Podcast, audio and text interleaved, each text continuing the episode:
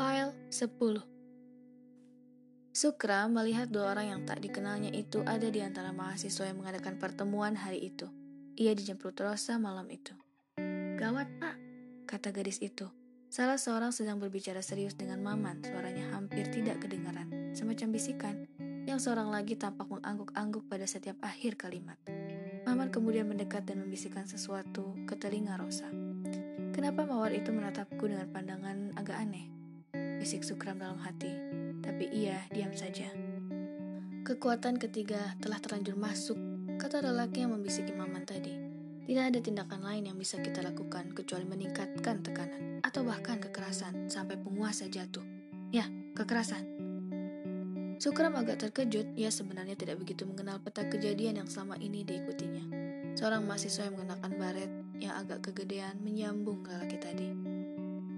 Beberapa teman kita telah gugur, dan kita mau tak mau harus berusaha untuk mendapatkan dukungan dari salah satu angkatan. Kita sudah mendapatkannya dari pihak yang selama ini merasa disingkirkan. Tampaknya suasana sudah menjadi begitu panas, sehingga tentu ada kesempatan untuk mendapatkan dukungan itu. Meskipun yang kita hadapi adalah kekuatan yang sudah sangat berpengalaman dalam menyusun strategi. Sukra membayangkan suatu suasana seperti yang beberapa kali disaksikannya dalam film perang ia tidak mengalami zaman jatuhnya penguasa yang terdahulu. Hanya dari buku sejarah yang katanya banyak dipalsukan itu. Lewat kekerasan, jauh sebelumnya, bangsa ini juga mendapatkan kemerdekaannya lewat kekerasan. Jauh sebelumnya lagi, raja-raja di Jawa jatuh bangun lewat serangkaian kekerasan. Ia sulit membayangkan apa yang akan terjadi ia baru saja pulang dari sebuah negeri yang konon mengatur dunia yang entah sejak kapan tidak pernah menggunakan kekerasan dalam pergantian pimpinan. Ia membayangkan tembakan, suara teriakan untuk meningkatkan semangat dan darah. Film perang itu. Ia sebenarnya tidak mempunyai keinginan untuk masuk ke dalam kelompok mahasiswa itu. Hanya karena mereka mengaku menjadi fansnya saja. Sejak sebelum ia dikirim ke luar negeri, selama satu setengah tahun. Ia senang mengajar. Anak-anak muda itu senang pula mendengarkan obrolannya mengenai suku-suku terasing dan juga kehidupan kumuh di pusat kota. Ia suka membuat perbandingan yang tidak lazim. Bagi anak-anak, hal itu menarik. Beberapa mahasiswanya yang sudah lulus mengatakan bahwa cara mengajarnya tidak menimbulkan ketegangan di kelas. Ia menebak-nebak apa makna pandangan aneh Rosa tadi. Mungkin semacam pertanyaan, kenapa dulu ketika di kampus ada gerakan untuk mengumpulkan tanda tangan, ia tidak mau ikut tanda tangan. Ia baru saja pulang, tidak tahu perkaranya sama sekali. Ia tahu ada beberapa pengajar lain yang juga tidak mau tanda tangan.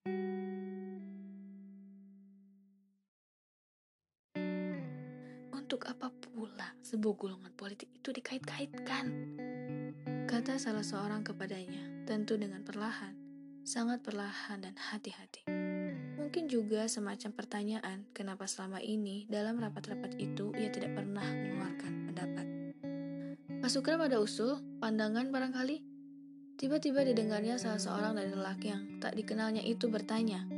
Anak-anak tidak pernah memberitahunya apa peran kedua orang itu, namanya siapa. Sukra menghela nafas agak berat. Apa ada perlunya? Tanyanya. Tentu Pak, Bapak sudah terlanjur masuk dalam kelompok kami, bagian kecil dari mereka yang mengatur strategi perjuangan ini. Ini sudah gawat Pak, Bapak sebaiknya usul apa begitu. Ia membayangkan yang bukan-bukan, anak-anak muda bergelimpangan seperti yang beberapa kali dilihatnya dalam berita TV. Darah, film. Apa kita harus melakukan kekerasan? Katanya perlahan menatap salah seorang dari dua lelaki asing itu, kemudian menatap Rosa. Maman dan beberapa mahasiswa lain menundukkan kepala, seperti khawatir akan ditatapnya. Ia benar-benar tidak tahu apa yang ada di benak anak-anak muda itu.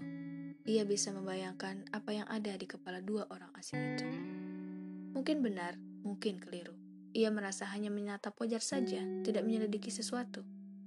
Ia sebenarnya merasa benar-benar terpaksa menyampaikan pandangannya. Begitu saja dalam sebuah pertemuan yang juga terpaksa diikutinya. Maksud Bapak? Tanya seorang mahasiswa yang segera disusul dengan pertanyaan yang sama oleh Rosa. Dan kemudian yang lain juga. Kini Sukra merasa berada di sebuah gedung pengadilan dalam film seperti yang pernah dilihatnya dalam banyak film seri TV. Apakah kita akan melanjutkan tradisi itu? Ia berharap semua, terutama anak-anak itu, memahami pertanyaannya yang retorik. Mereka mulai mengusut makna pertanyaannya. Tradisi apa, Pak? Kekerasan itu. Maksud Bapak? Bahwa kekuasaan hanya bisa diruntuhkan dengan kekerasan yang sudah menjadi tradisi dalam sejarah kita. Ia merasa anak-anak mulai menebak-nebak apa yang terselip dalam benaknya. Bukan, saya hanya mempertanyakan hal yang sederhana saja. Apakah kita akan menjadikan hal itu sebagai tradisi? Sambungnya. Tetapi kita sudah puluhan tahun berada dalam suasana yang sama sekali tidak demokratis kata salah seorang mahasiswa. Bukankah begitu, Pak? Sambung Rosa. Ia mulai menyadari bahwa anak-anak itu yakin demokrasi hanya bisa ditegakkan lewat kekerasan. Mungkin ia keliru, tetapi bukankah setiap penguasa baru menyatakan bahwa menyingkirkan kekuasaan lama itu demi demokrasi? Bahwa yang dinyatakan sebagai demokrasi itu ternyata sama sekali tidak ada hubungannya dengan demokrasi yang dibayangkan. Tetapi siapa yang membayangkan? apa pula yang dibayangkan oleh siapa itu.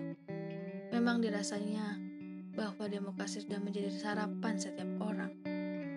Mungkin yang jelas kata itu sudah menjadi makan paginya, meskipun yang dimasak istrinya Ya, itu hanya pertanyaan saja. Saudara-saudaralah yang bisa menjawabnya, katanya.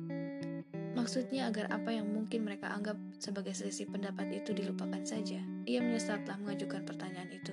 Sukram tidak berbicara apa pun, hanya sebentar menatap Rosa. Siapa tahu gadis itu memahami apa maksud pertanyaannya. Mawar kuning kecoklat-coklatan seperti menunduk kena angin agak kuat, berusaha mempertahankan daun-daun bunganya agar tidak rontok. Mata gadis yang ditatapnya itu membelokkan angin itu kepadanya dan bergeserlah bukit-bukit pasir dalam benaknya.